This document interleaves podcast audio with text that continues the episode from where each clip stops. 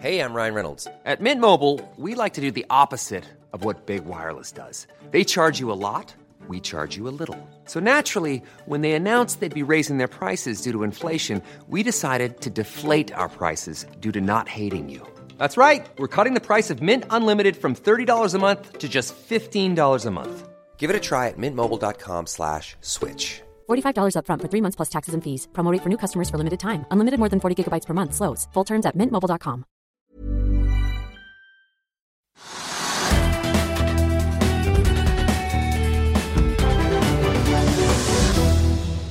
Velkommen til Økonominyhetene 20.9.2021, eller en skikkelig blåmandag, skal vi tro en av dagens gjester. Og for mange investorer ble det nettopp det. I Asia er det nemlig uro, bl.a. som følge av eiendomsselskapet Evergrandes i Kina sine store gjeldsproblemer.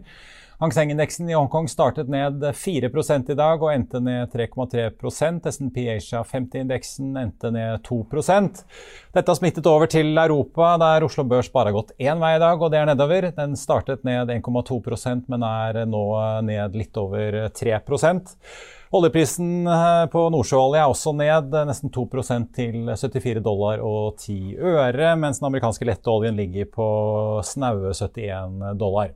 Rundt i Europa er børskartet også ganske rødt i dag. København, Stockholm, Frankfurt og Paris er alle ned mellom 2 og 3% I Storbritannia er markedet ned litt over 1% mens futuresene på Wall Street også peker ned eh, før åpningen der. Før vi snakker mer om markedet, må vi også ta med at Link Mobility, IT-selskapet på Oslo Børs, er ned over 8 i dag etter meldingen om at det ikke blir noe oppkjøp av australske Soprano Design til 3,6 milliarder kroner. Oppkjøpet ble annonsert 18. mai i år og skulle primært gjøres opp i aksjer i eh, Link Mobility. Men selskapet skriver at eh, de ønsket endringer av vilkårene for oppkjøpet, men det ble partene ikke enige om. Gassmarkedet er brennhett om dagen, og det har kommet to ganske sentrale nyheter i dag. Equinor melder at de og partnerne nå øker gass gasseksporten for å forsyne det stramme europeiske gassmarkedet. Prisene har steget til rekordnivåer. Og industriaktører som CF og Yara har kuttet produksjonen av gjødsel og ammoniakk i Europa.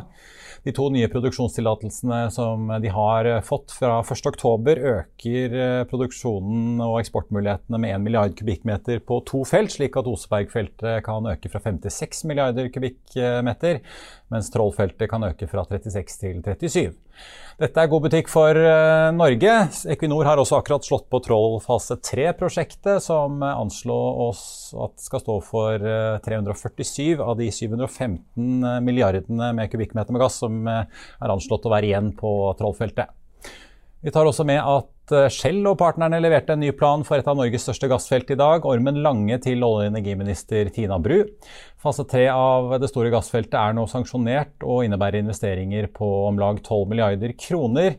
Det er eh, One Subsea som skal levere utstyret og installasjonen, og ved hjelp av undervannskompresjon så øker man utvinningsgraden på feltet fra rundt 75 til 85% Det betyr at eh, man kan sende ytterligere 30-50 milliarder kubikkmeter gass rett over til Storbritannia. Ifølge Shell vil prosjektet gi den norske statskassen et påfyll på rundt 40 milliarder kroner. Nå skal vi til eh, markedet, for hva er det egentlig som skjer nå? Er det en korreksjon på gang, eller bare et lite vindkast nå på høsten? Vi tok en prat med aksjeanalytiker Roger Berntsen i Nordnett eh, tidligere i dag. Bare se her. Ja, I dag er det jo en ordentlig blåmandag, så Oslo Børs faller jo over 2,5% i talende stund. og Det, det skyldes jo at uh, Hang Seng-indeksen i, uh, i, Asia den falt over 4% i natt. og Det har forplanta seg til de europeiske børsene og, og ikke minst Oslo Børs. Ja, Altså, det snakkes jo mye om dette Ever, Evergrande, dette store boligbyggerselskapet i Kina som sliter med en uh, massiv gjeld. De er vel verdens største uh, boligbygger. Uh, hvorfor er markedet så nervøst fordi at det kinesiske markedet og Evergrande sliter? Ja, først og fremst har jeg lyst til å trekke linjen litt lenger tilbake. Det er at Oppgangen på de fleste børser i 2021 har vært fantastisk, inkludert Oslo Børs. Sånn at Det er jo ingen panikk generelt i markedet, selv om, om børsene er ned 2,5 uh, i dag. Men ja, vi er, lever jo i en global uh, verden, uh, Marius. Og, og, da er det jo sånn at uh, i Norge vi er en liten åpen økonomi. Våre selskaper profitterer jo på at verden vokser. Og når det er uro i Kina, en av de store vekstimpuls, vekstimpulsene i, i, verden, så, så, er det klart at det får smitteeffekt. verre er det ikke.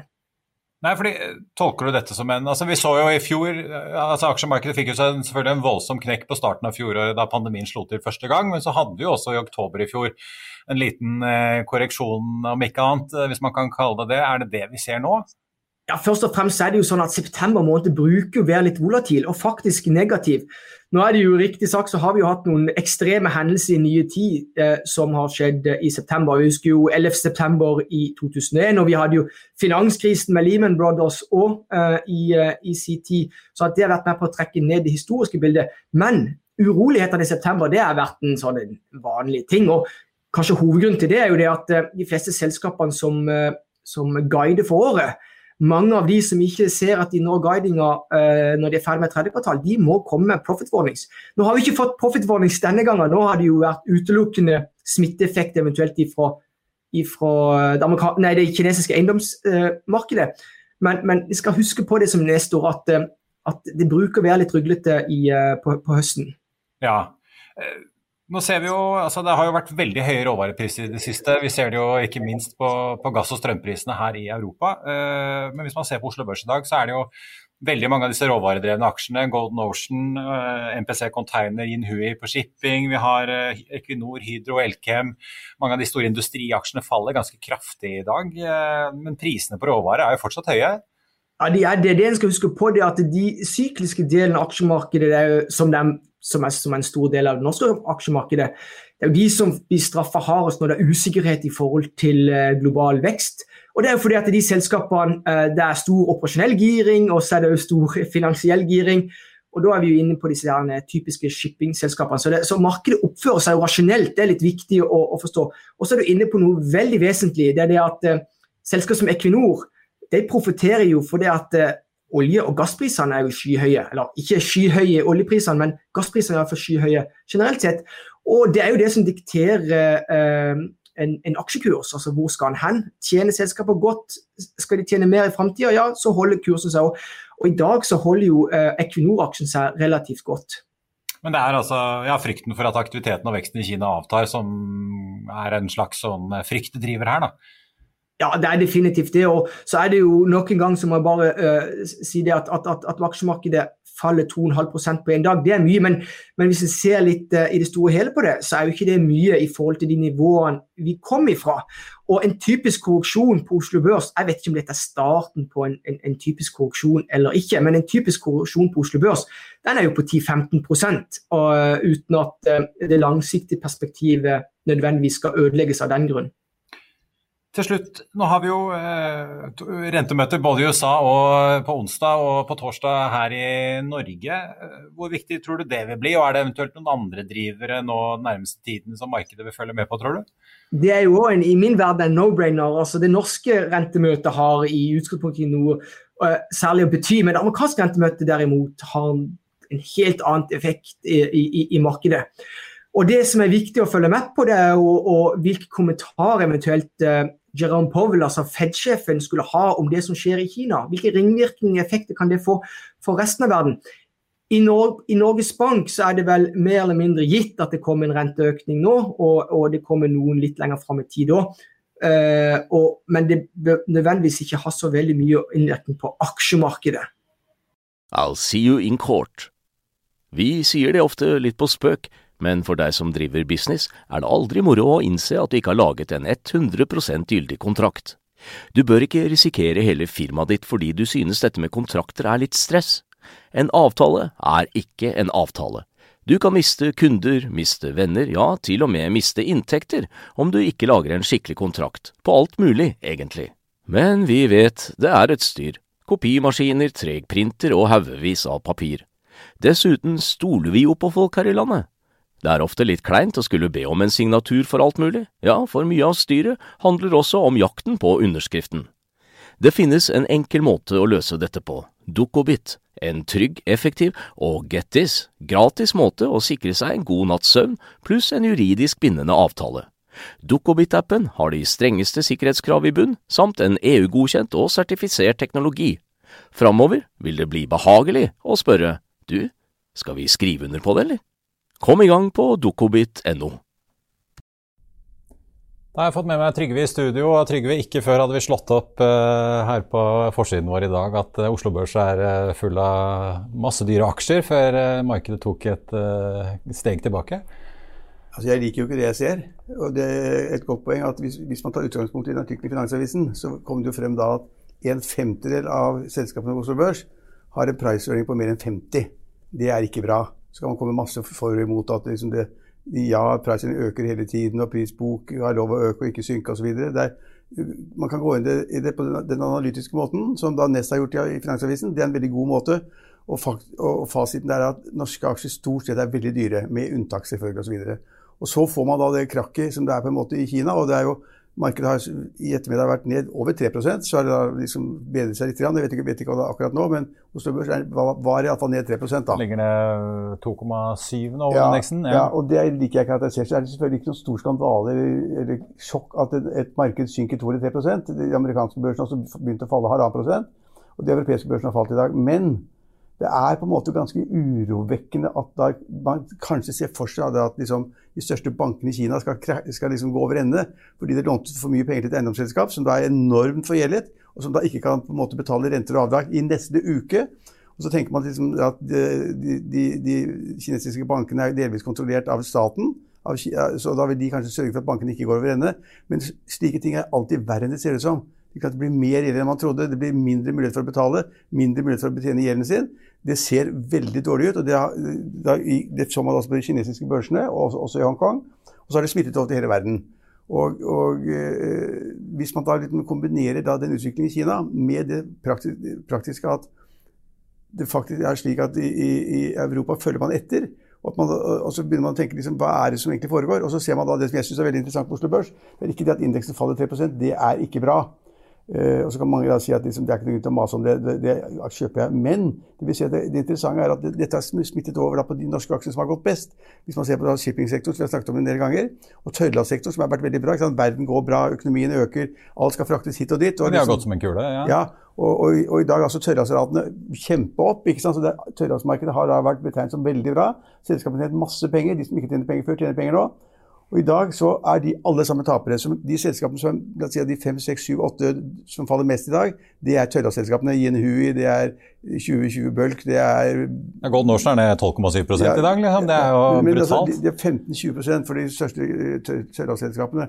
Og det kan tyde på at investorene er redde, veldig redde. Og at de tenker at hvis på en måte man får en knekk i, kine, i kinesisk økonomi, vil det smitte til Europa. Og da vil på en måte da behovet for å frakte tørrlast gå ned mindre jernmalm, mindre alt mulig annet. Og det, jeg synes at det, det, altså Minikrakket da, i shippingmarkedet i Tøyland er ganske skummelt. Det viser nå at folk er veldig redde, og at det, da, det som ser veldig bra ut fordi at ratene går opp senest i dag, så faller da på en måte da aksjekursen i de selskapene. og da tviler folk på inntjening fremover. og Det, det syns jeg er ganske skummelt. Ja, For da er det ikke troen på at disse ratene skal vare veldig lenge hvis ratene fortsatt stiger, Nei, altså, men eh, aksjekursene går rett i gulvet? Altså Aksjekursene går i gulvet i de selskapene. og det betyr at da, Nå har selvfølgelig mange tjent masse penger, for de fleste av disse selskapene har jo både to- og tredobbelse i det siste året. Eh, så da er det en korreksjon av et høyt nivå som har kommet ganske raskt. Men det, altså det ser ikke bra ut. Vi ser også da at Kahoot har vært ned 15 i dag. Det er det selskapene hvor det er masse fremtidige inntekter, lite substans nå. Og Da sier markedet at det vil vi ikke ha lenger. Så liksom banker den aksjen ned. og det, det gjennomtegnet hvis du ser på kurslisten, at liksom, det er noe som ikke stemmer. Og, og, hvis det er slik da, som vi skrev i Finansavisen, at prisingen er liksom 50-gangeren på earnings, så er det for mye. Da skal liksom selskapet normalt ned til 15-20 i beste fall. Kanskje ned på 10-12 i verste fall osv. Da, da har vi på mange selskaper på Oslo Børs har vi da et veldig dårlig scenario fremover. Ja, for du ser jo Det er jo ikke bare shipping. altså Hydro, Elkem, store industriaksjer er jo kraftig ned i dag, 6 så ja. Selv om aluminiumsprisen er på det høyeste den har vært på 13. år. eller hva det er. Ja, men det er det logikk i. fordi at hvis da, når Kina er en stor importør av aluminium Hydro tjener masse penger når aluminiumsprisen er høy. Kursen i Hydro har doblet seg liksom, i løpet av det siste året. Det, det er egentlig bildet der. Hvis Kina da får et krakk, altså hvis på en måte alt stopper opp i Kina, mer eller mindre, så vil de kjøpe mye mindre aluminium fra Norsk Hydro. Det er helt sikkert. Kanskje får de forbud mot å importere aluminium i verste fall. ikke sant? Slik at Hydro får en smell. og Det er liksom logikk i dette her. Kina er en stor økonomi, importerer masse. Eh, de som da leverer enten jernmalm eller aluminium eller annet til Kina, de vil få en smell akkurat nå, og det får de. Ja. Så, og, og, det er en smell når Hydra får en fall hva du sa, 5 eller hva det var? Ja, det er 6% både de og Elkem. Ja. ja. Så, så, dette er logikken man kan si det er fornuftig. Det er ikke, liksom, det er ikke liksom et krakk hvor alt er, liksom, alt er ned, og ingen kan si hvorfor. Hvorfor falt det liksom? Hvorfor falt det for 10 eller 5 Nei, Dette er på en måte et, et, en ganske god analyse av hva som foregår i markedene. Enten det er salg av råvarer, eller det er liksom transport av råvarer verden over. Så, så jeg, altså, jeg liker ikke det jeg ser. Og så skal man kanskje ikke overdrive det, men man følger veldig godt med. Og det er jo da også slik at andre folk som regner da på pris, bok og price earning osv. Peter Hermanrud han var jo da en av landets beste strateger og analytikere som har begynt for seg selv. Og han sier at hver gang jeg begynner med noe annet, så, så, så, så, blir det krakk på Oslo Børs. Det er ganske morsomt sagt, men det, han, han, sier jo det at jeg vil være forsiktig nå, sier han. Altså De som er investert på Oslo Børs, må være forsiktige akkurat nå. For det er skummelt, og man vet ikke hva som skjer. Og du kan få en sånn ny Lehman Brothers-fall, at de kinesiske banker faller over ende. Og da blir ringvirkningene store. Tror du kinesiske staten vil la det skje? da? De har jo pleid å ta ganske kraftige grep for å på en måte unngå noe sånn stort krakk der borte? Ja, men De kan iallfall ta egenkapital fra bankene. Altså, det, liksom, de har mistet all, altså egenkapital, mistet private eiere, og da staten på en måte kontrollerer alt. Det kan skje. Det skjedde i Norge på 90-tallet. 90 ja. Det er en enkel måte å gjøre det på. De bare sier at har dere reserver? Ja, hvis dere har, putt dem på bordet. Hvis dere ikke har reserver, egenkapitalen er borte. Det kan de si. Og da får du masse, masse sidevirkninger og ettervirkninger. så det er Altså, jeg, vi er ikke over dette her. Det er, det, er, det er, jeg rimelig sikker på. Men jeg kommer tilbake til det, det vi begynte med. At, at, I Norge så er det slik at aksjene er høyt priset. Vi har en oppgang på 18% så langt i år. Det er fenomenalt for en børs, ikke sant? Eller, ja, det var det. Den er, nå har den barbert ned til 13,8 ja, ja, med den nedturen vi har hatt i dag. Ja, før, før, før, før, nedgangen der så var vi oppe i 18% Det er helt fenomenalt. Og så er mesteparten veldig høyt priset. Og så har vi begynt å få en del selskaper som er på en måte fremtidens inntekter, som Kaut osv. Og da får vi en smell. Og den er berettiget, og den, og den skal være der. Og da får man så liksom snur opp igjen veldig fort. Ja, hvis, da, hvis det ikke skjer noe i Kina, hvis da de amerikanske børsene også plutselig går opp istedenfor å gå ned osv., hvis de europeiske børsene går opp istedenfor å gå ned Det er massevis, og det er masse uvisshet, og det er masse negativt. Men nå er det kanskje flere som vil begynne å se seg om etter litt sånn trygge havner eh, på Oslo Børs. Og jeg så jo Hermanrud har jo tidligere snakket om hvor fan han er av eh, Europris. Og Paul Harper i DB Markets ja. Eh, tok jo i dag ut Telenor i porteføljen sin og la inn Orkla, som han mente hadde en veldig fin og defensiv inntjeningsprofil. Jo, men det er, det er godt tenkt, for det er klart at folk skal ha mat. Grandiosa. De, de, skal, ja. de skal, kjøpe da alle varene som Orkla har. Det er alt mulig fra pizza til whatever. Eh, barnemat eller hva det måtte være. Og så er det også slik at folk skal jo handle i europris, eller de skal handle på, på Rimi, Rimi, eller på, på, de andre eh, dagligvarekjedenes butikker. Det skal de gjøre. Så hvis man skal være veldig defensiv, så kunne man liksom gå i da de selskapene. Men de kommer også, hvis, altså, hvis dette skulle bli virkelig ugly, så vil også disse selskapene falle 5-6-7-8 Det er ikke snakk om 15 eller 20 og da, Så da skal man ikke være der heller. Da er det faktisk bedre for en gangs skyld å ha pengene i banken og få 0,15 Det er det sikreste man kan gjøre. Eller legge det i madrassen. Ja, for det har jo vært altså, Madrassen gikk så mye, men det er bedre enn å ta 15-20% tap. Men eh, nå er jo eh, mange har jo satset på at nå gjenåpner økonomien. Vi har jo sett disse råvaredrevne aksjene gå som en kule. Da snudde de jo ganske fort, da. Ja, Det har ikke snudd ennå, da, men klart man har fått en warning akkurat nå. da. Mm. Så Det har vært en oppgang. Man bruker mer råvarer, man selger mer råvarer. Råvareprisene går opp. Gassprisene er opp, aluminiumsprisene er opp. alt, Oljen har vært opp. Oljen har jo da ikke falt mer enn oljen har ligget på 74 dollar per fat. Det er en høy oljepris fortsatt. Det er nesten 75, som var liksom den nåværende rekorden. Så vi har ikke fått det store fallet all over. Men det jeg ser for meg, det, dette er en warning. og så er det, det kan godt tenkes at det var bedre av pengene i banken eller i madrassen enn av de aksjemarkedene hvor man kan da tape 5 eller 10% Det er jo ikke bra i det hele tatt. Og så er det veldig vanskelig å plukke de få vinnerne, da. enten det er Europris eller Orkla eller eh, Tomre eller hva det måtte være. Altså det, er, eh, det er vanskelig. Det eneste sikkert Roger Berntsen var inne på noe interessant. Det var da han sa det at, at ja, Equinor på en måte er en vinneraksje akkurat nå. For at gassprisen er til himmels, ikke sant? så da produserer Equinor som du sa, mer og mer. Og da tjener Equinor mer og mer penger. Så regnskapet til Equinor, tatt bort de letekostnadene de har på da, alternativ energi, eller hva det måtte være, det blir vanvittig overskudd. ikke sant? Så, ja, da, da, kan man satse på staten nesten, og det er staten som eier selskapet. 20% ja, Vi skulle hatt uh, Petoro på børs. Det hadde gått som en men, men, uh, kule. Men Jeg synes det er kjempespennende det som foregår. Men jeg er opptatt av logikken som ligger bak. Altså, forstår vi kursfallet i Hydro? Ja, vi forstår kursfallet i Hydro. Og forstår vi kursfallet i Tørrlandsselskapene? Ja, vi forstår det. Det har gått veldig mye, veldig sterkt. Og så kan de få veldig mye mindre å gjøre hvis verden stopper opp, og da kan man ikke sitte med sølvlassaksjer. ikke sant? Så sånn er det. Og også containeraksjen, MPC, var jo også ned i dag. på samme måte. mye. Ja, altså På topp 10-listen på mest ansatte omsatte aksjer så måtte Men- man jo helt ned på tolvteplass før man fant én i pluss, og det var Scatec Solar. Ja, og, men det, det viser at liksom, det er når det er verdenshandel som det stiller spørsmålstegn ved, og det stiller spørsmålstegn ved den verdens største nasjoner når det gjelder handel, det er Kina osv. dette henger sammen, og det er farlig. Helt til slutt, eh, Vi nevnte jo med Roger her, altså det er jo et rentemøte i Norge. Der venter jo alle en renteøkning nå på torsdag. Men vi har et rentemøte i USA på onsdag. Tror du Jerome Powell, sentralbanksjefen i Washington, vil eh, si noe om dette her? Altså, Det er et kjempegodt spørsmål. Altså, eh, normalt vil alle si nei, nei, nei. nei, nei. Norges Bank kommer til å øke renten på torsdag. Det har de sagt lenge. De skal øke to ganger i år, fire ganger til neste år osv. Og, så videre. og i 2024 så skal de opp i 1,75% eller noe sånt. nå. Alle tror på det. Og de sier økning på 4% og 3% og 2 Alle eh, økonomene sier det. Og det kan også tenkes at man da sier det samme i USA, i forbindelse med eh, da rentenivået der borte. og ikke og de, de hadde, skulle kanskje komme med noen innstramninger. Ikke sant? Ikke så mye lettelser i økonomien, ikke så mye likviditet. Men det kan jo tenkes at dagens børsfall fortsetter i morgen. Det kan jo tenkes at Norges Bank i møte på onsdag, dagen før de skal komme med beslutningen, sier at det er ikke akkurat det riktige tidspunkt å øke renten akkurat nå. Så det kan tenkes at ni av ti økonomer kommer til å få sjokk på torsdag for at Norges Bank ikke øker renten. At de drøyer det til desember? Altså det er, jeg, jeg, jeg tror nok som de fleste at Norges Bank står stay the course og de følger den rentebanen sin. Men spørsmålet er veldig godt. Det kan tenkes at verden blir såpass urolig at man holder igjen lite grann. Ja. Vi får se hva Jerome Powell gjør på onsdag og Øystein Olsen på på torsdag. Ja. Takk skal du ha, Trygve. Vi skal ha dagens børsgrafer.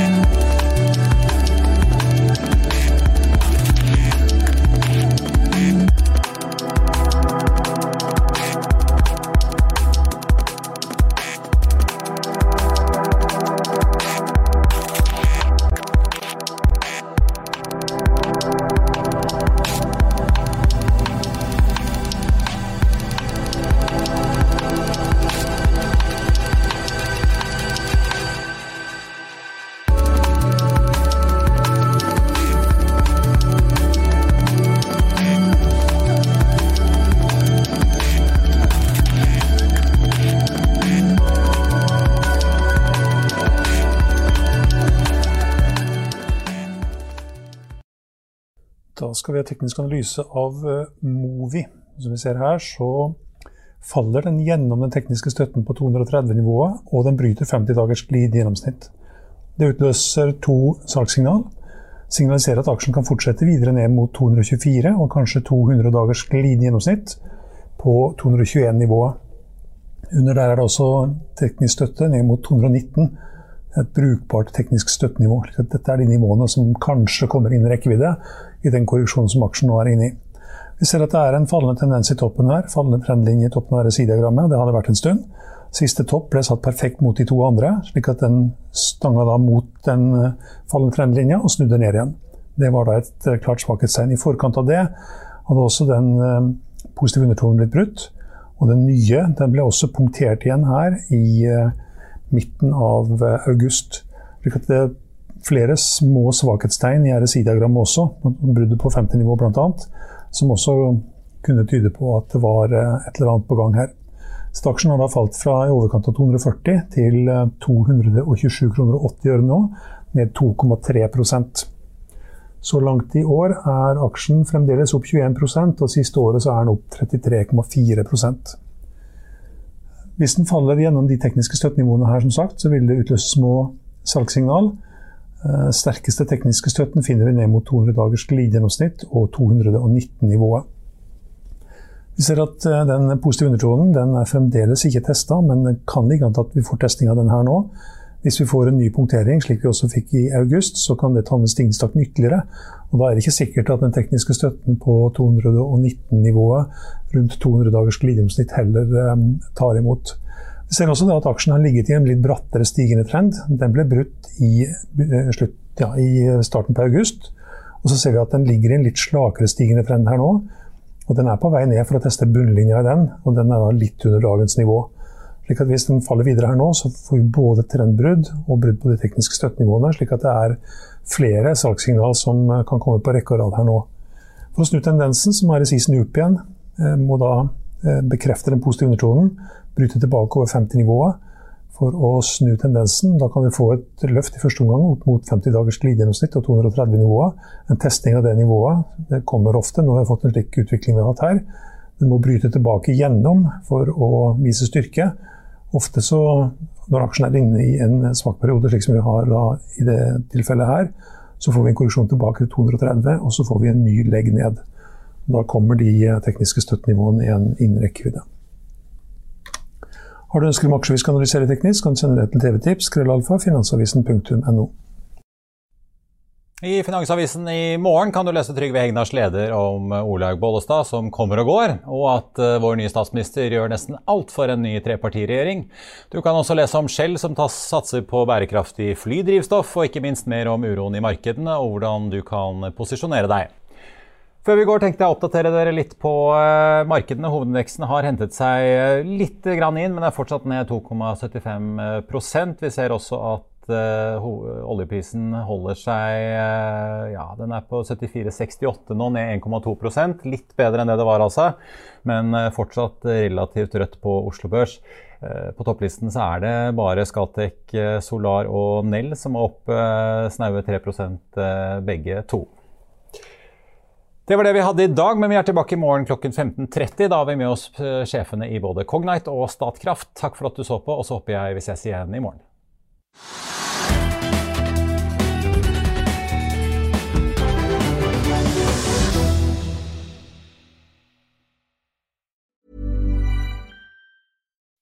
When you make decisions for your company, you look for the no-brainers. If you have a lot of mailing to do, stamps.com is the ultimate no-brainer. Use the Stamps.com mobile app to mail everything you need to keep your business running with up to 89% off USPS and UPS. Make the same no brainer decision as over 1 million other businesses with Stamps.com. Use code PROGRAM for a special offer. That's Stamps.com code PROGRAM.